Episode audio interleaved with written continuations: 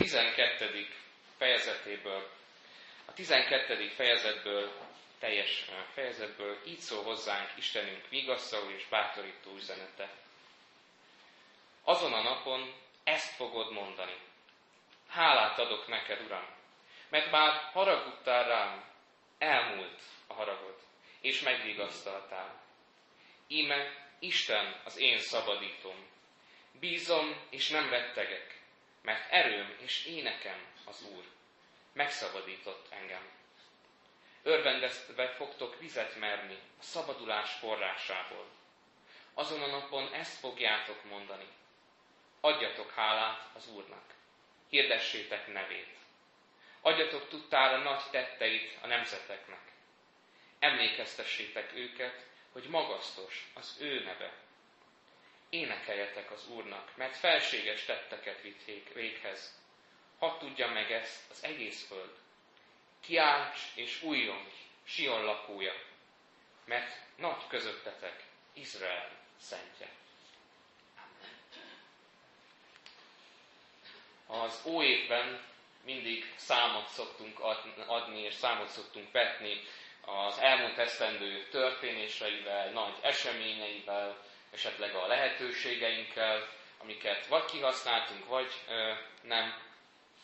És ö, ezek az események ö, sokszor olyan fontos sarokkövek voltak az életünkben, amik így kifejezetten megmaradnak bennünk, hogy ez az év erről szólt. Ez az év e köré, a nagy, fontos dolog köré csoportosult, és erre lehet fölépíteni az egész évet, hogyha így visszagondolunk.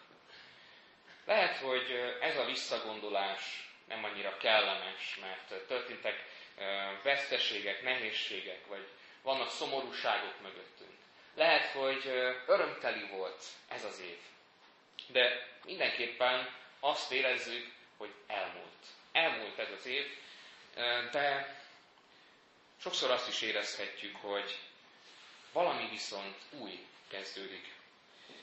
És lehet, hogy ez az utolsó nap, így az évben, eszünkbe juttatja ezeket az eseményeket, lehetőségeinket. Viszont ennek az igének az örömhíre pont ezekben a számadásokban szól igazán. Az olyan számadásokban, amelyeket mindig el szoktunk végezni, de talán itt kulcsfontosságú is.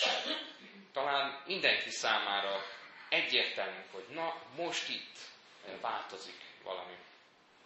Ez az ige tehát egy erőteljes örömüzenetet ad át nekünk, amit talán úgy is meg lehet fogalmazni, hogy ez az év elmúlt, vagy ez már elmúlt, és más lesz, és új lesz. De voltak éppen mi is múlt el? Hogyha az ígére tekintünk, akkor miről is beszél ez az üzenet, ez a rész, ez a izsaiási profécia? Mi múlt el?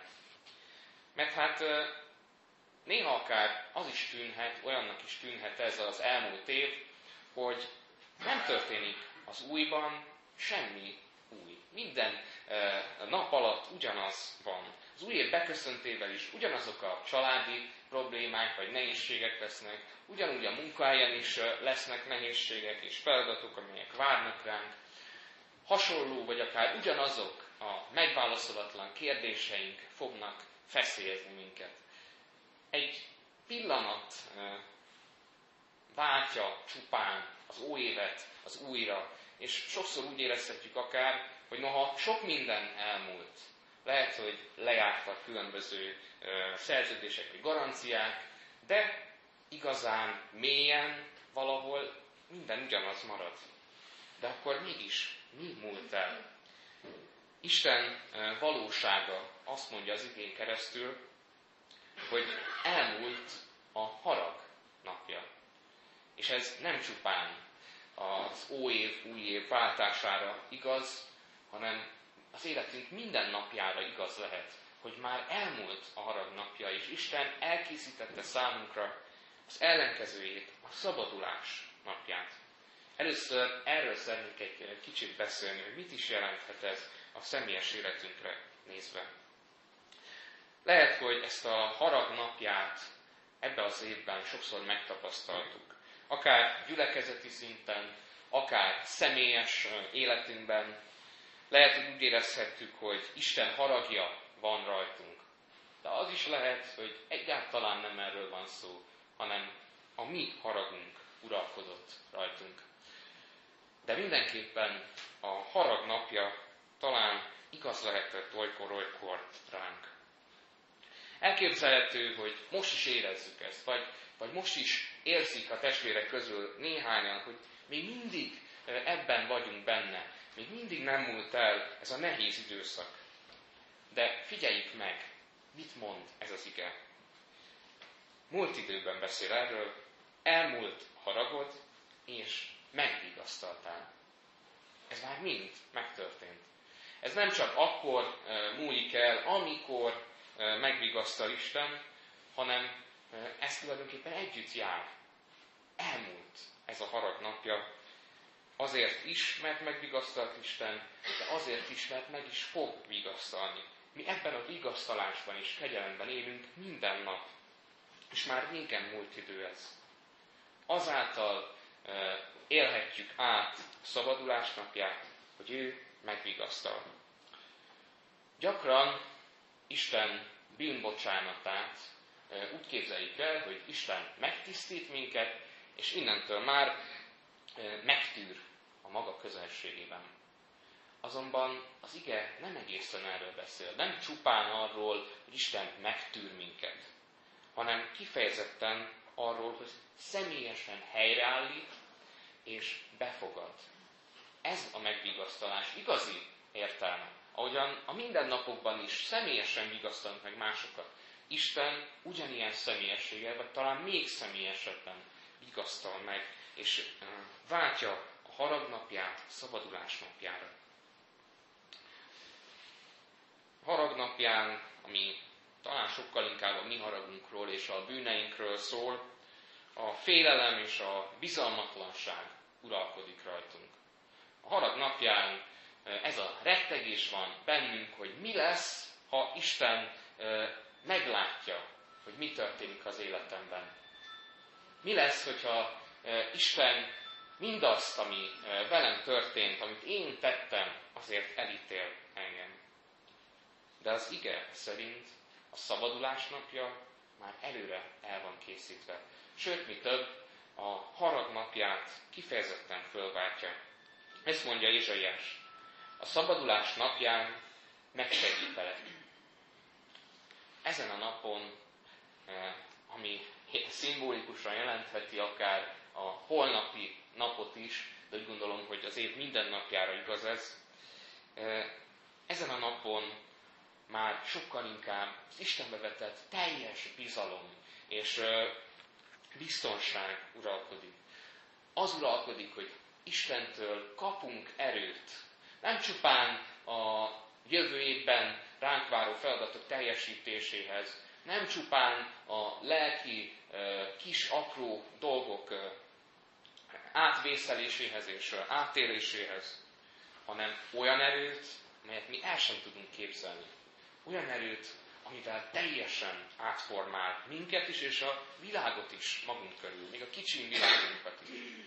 Néha azt érezhetjük, hogy ó, hát a családunkat, a közeli környezetünket nem lehet már megváltoztatni. Annyira beleszoktunk bizonyos dolgokba, szokásokba, hibákba, mindenféle olyan dologba, amikkel nap mint nap találkozunk. Úgy érezhetjük, hogy ezen már nem lehet változtatni. De Isten ereje ezt, leginkább ezt változtatja meg, amiről azt gondoljuk, hogy már elveszett. Isten pont ezekhez az elveszettekhez jön, és őket formálja át, őket váltja meg. Kifejezetten szeretem is ezt a részt az igéből, amikor uh, arról olvasunk, hogy, hogy erőm és énekem az Úr. Ott, uh, amikor még hatodében az úrvacsora osztás alatt ezt az igét mondtam valakinek, és, és azt szeretett, hogy erőm is én nekem az Úr, de mm, annyi biztos, hogy ez az ige szakasz nagyon jól bemutatja, hogy nem csupán erőt ad Isten, hanem örömöt is ad a szívembe. Önként, dalolva, szó szerint dalolva élhettem át Isten szabadítását. Ahogyan Zakariás is, ahogy beszéltem karácsonykor erről, Zakariás is így élhette át az Úr szabadítását, hogy talra fakadt, nem bírta magában tartani. Ugyanezt az erőt mi is átérezhetjük, amikor a szent lelkét kérjük Istennek, és eltölt minket, és egészen megmagyaráz mindent, megvilágosít mindent az életünkben. Hálát tudok tehát mindazért adni, ami elmúlt. Ezt mondja lényegében ez a rész. Még a nehézségekért, még a szenvedésekért is hálát tudok adni. Hálát tudok adni az örömökért, hálát tudok adni a boldogságért, a vidámságért, amiket átélhettem a családtagjaimmal. Hálát tudok adni azokért a krízis helyzetekért is akár, amikben Isten tanítani akart engem. Mindenért hálát tudok adni. De nem azért, mert ezek annyira örömteli dolgok lennének, amik történtek velem, akár a szenvedés, nehézségek, hanem azért, mert Isten kiszabadított ezekből. Pál így ír erről. Ami mögöttem van, azt elfelejtve, ami pedig előttem van, annak neki feszülve futok egyenest a cél felé. Hálát adok mindazért, ami elmúlt, de onnantól kezdve már az Úrnak ajánlom ezeket. Úgymond én magam teljesen elfeledkezem ezekről. Nem foglalkozom azzal, hogy esetleg a múltból milyen újabb nehézséget hoznék be az új évbe. Nem foglalkozom azzal, hogy az új évben, az elmúlt időszakban elkövettem bűnöket, megbántam Istennek, ő megbocsátott. Nem foglalkozom azzal, hogy ezek a bűneim még mindig kísértenek, mert Isten már megbocsátott ezekből. Hogyha én leraktam már elé ezeket, ha már ő megszabadított ezekből, nem kell foglalkoznom velük, mert ő maga mondja az igébe, hogy a háta mögé veti el ezeket a vétkeket. Akkor én is dobjam hátam mögé ezeket, mert Isten már megszabadított. És egyenest tudok neki feszülve a cél felé futni akkor, ahogyan Pál is. De lehet, hogy úgy érezheti valaki, vagy akár úgy érezhetjük olykor-olykor, hogy ez nem igaz ránk. Éppen most, vagy az esetek többségében ez nem igaz ránk. Nem érezzük ezt a szabadítást. Akkor tudjuk igazán tovább olvasni ezt az igét. Ugyanis pont ilyenkor szól. Örvendezve fogtok vizet merni a szabadulás forrásából. Látszólag olyan nem idejűlő ez az ige szakasz, mégis nagyon sokat üzen. Gondoljunk csak bele abba az embernek a helyzetébe, aki a sivatagban, a pusztában étlen szomjan próbál valami vizet keresni egy közösségbe, egy faluba megérkezni, vagy bármiféle civilizált helyre. És már teljesen ki van tikkadva, el van gyengülve. És ekkor meglátja közelben ezt az oázis, ezt az életet adó vizet, ezt a forrást. Még mindig a szomjúságot és elütöttséget érez. Tehát ne gondoljuk azt, míg odaér, addig megszűnik ez. Ugyanolyan szomjas marad, addig, amíg oda nem ér. De örvendezik. Tud örülni, és azt tudja mondani, igen, ott van, és ez nem déli bár, ez igazi forrásvíz, életet adó víz. Oda szalad is, újongva szalad ehhez a vízhez. Valahol erről beszél az igen. Hogy lehet, hogy még itt ebben a föld életben tapasztaljuk a nehézségeket, a szenvedést, a bántalmazásokat, a lelki gyötrelmeket és kétkedést. De itt van előttünk, ott van előttünk elkészítve az életet adó forrásvíz. Lehet, hogy valaki már olyan régóta szomjazik az életet adó víz után, most lelki értelemben beszélek, hogy már nem is hiszi el, hogy tényleg ott van. Lehet, hogy tényleg azt gondolja, hogy ú, ugyan, ez ugyanolyan déli bár, mint amit sokszor láttam az életben. Ugyanolyan egy a sok közül Isten szabadítása is, mint amit én is időszakosan megtapasztaltam. De a szabadulás forrása ott van, és életet kínál Isten nem egy életet kínál a sok közül. Az összes többi nem élet. Isten ad igazi életet. Isten ad igazi, örök életre buzgó forrásvizet a lelkünknek, testünknek egyaránt.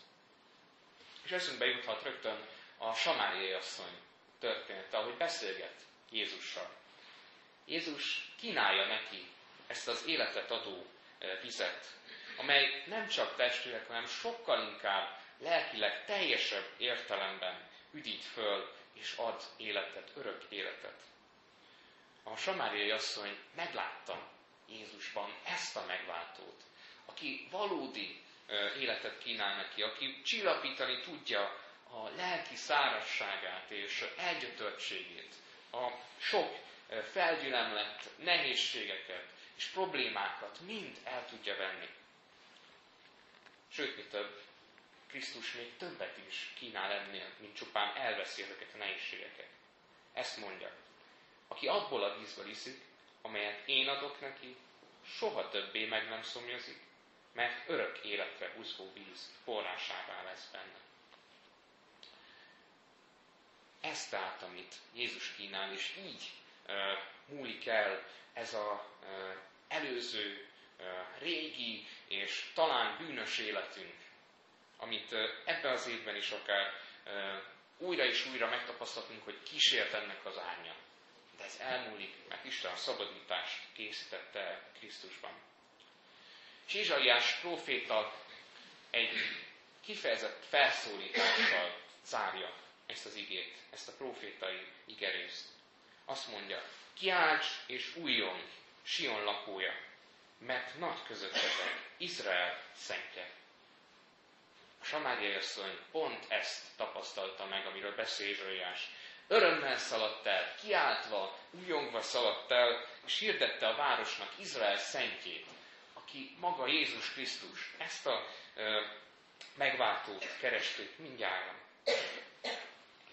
Persze mondhatnánk azt, hogy én nem vagyok olyan, mint a samáriai asszony. Én nem tudok már olyan erővel, újongva kiszaladni a pusztából, mert benne vagyunk ebbe a megfáradt lelki sivatagunkba. Nekünk pihenésre van szükségünk az Úr jelenlétében. Gondolhatjuk akár ezt is ebből.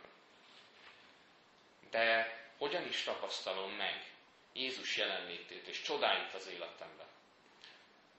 Ezen érdemes elgondolkozni, mert ezzel kapcsolatban eszembe jutott Péternek a elhívása. Mielőtt ugye tanítványnál hívná el Pétert Jézus, akkor előtte kért tőle valamit. Ugye egész éjszaka haláztak. Ugye éjszaka lehetett csak halat fogni, mert akkor ment le annyira a hőmérséklet, hogy egy kicsit a halak is fölélénkülnek a nagy tikkat meleg föl. És erre ugye Péter azt válaszolja, amikor Jézus mondja, hogy vesse ki a hálókat fogásra, Mester, egész éjszaka fáradoztunk ugyan, mégsem fogtunk semmit, de a te szavadra mégis kivetem a hálómat. Egész éjszaka fáradoztak, elfáradtak, teljesen kimerültek, nem fogtak semmit. Elcsüggettek testileg, lelkileg egyaránt. És mégis, amikor Péter ennek ellenére kiveti a hálót még egy utolsó erőfeszítéssel, akkor fogják ki a sok halat. A tanítványok nem a megérdemelt pihenésben tapasztalják meg Jézus csodáját és jelenlétét az életükben, hanem akkor, amikor az utolsó fáradt lépésükkel teljesítik Isten akaratát. Sőt, mi több, amikor megismétlődik ez a csodálatos halfogás, akkor kiderül, hogy Jézusnak mi is volt az igazi szándéka ezzel.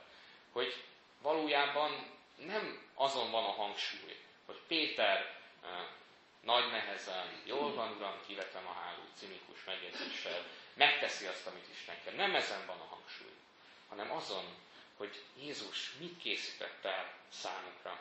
És a második ilyen ö, csodálatos halfogás, amikor már ugye feltámadt Jézus jelenik meg a tanítványoknak, akkor kiderül, hogy a kenyér és a hal már régen el van készítve ott, a tűznél melegedve. Jézus tehát így vár minket. A lelki eledelt és az örök élet forrásvizét már ott kínálja nekünk. Az ő szabadítását már előre elkészítette számunkra. Mit üzent tehát nekünk ez az ige az év utolsó napján? Az, hogy elmúlt a harag napja, és beköszöntött a szabadulás napja számunkra. Ez legjobban talán Pálapostól magyarázza meg a második korintusi levelében. Ezért, ha valaki Krisztusban van, új teremtés az. A régi elmúlt, és íme új jött létre.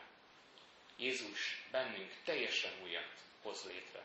Mi leszünk ugyanúgy, ugyanazok az emberek leszünk, de megtisztítva, helyreállítva, a lelki sérüléseinkből felgyógyítva, és új erővel eltöltve, hogy őt tudjuk hirdetni minden napon.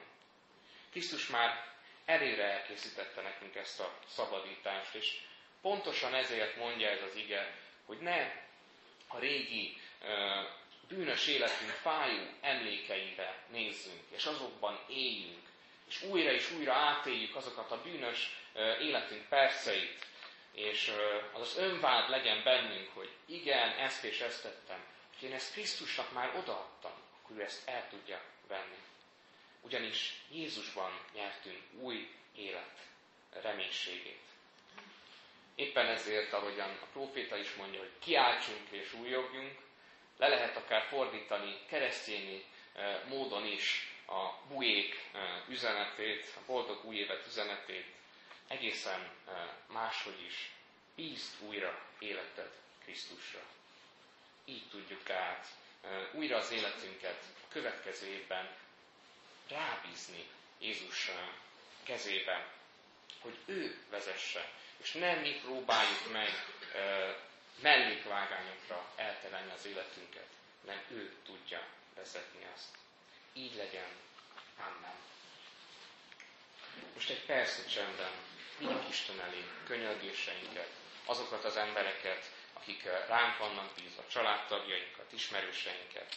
Imádságban hordozzuk őket, és adjunk hálát mindazért a sok dologért, akár nehézségek, akár örömök, amiket most Isten megmutatott ebben az évben nekünk.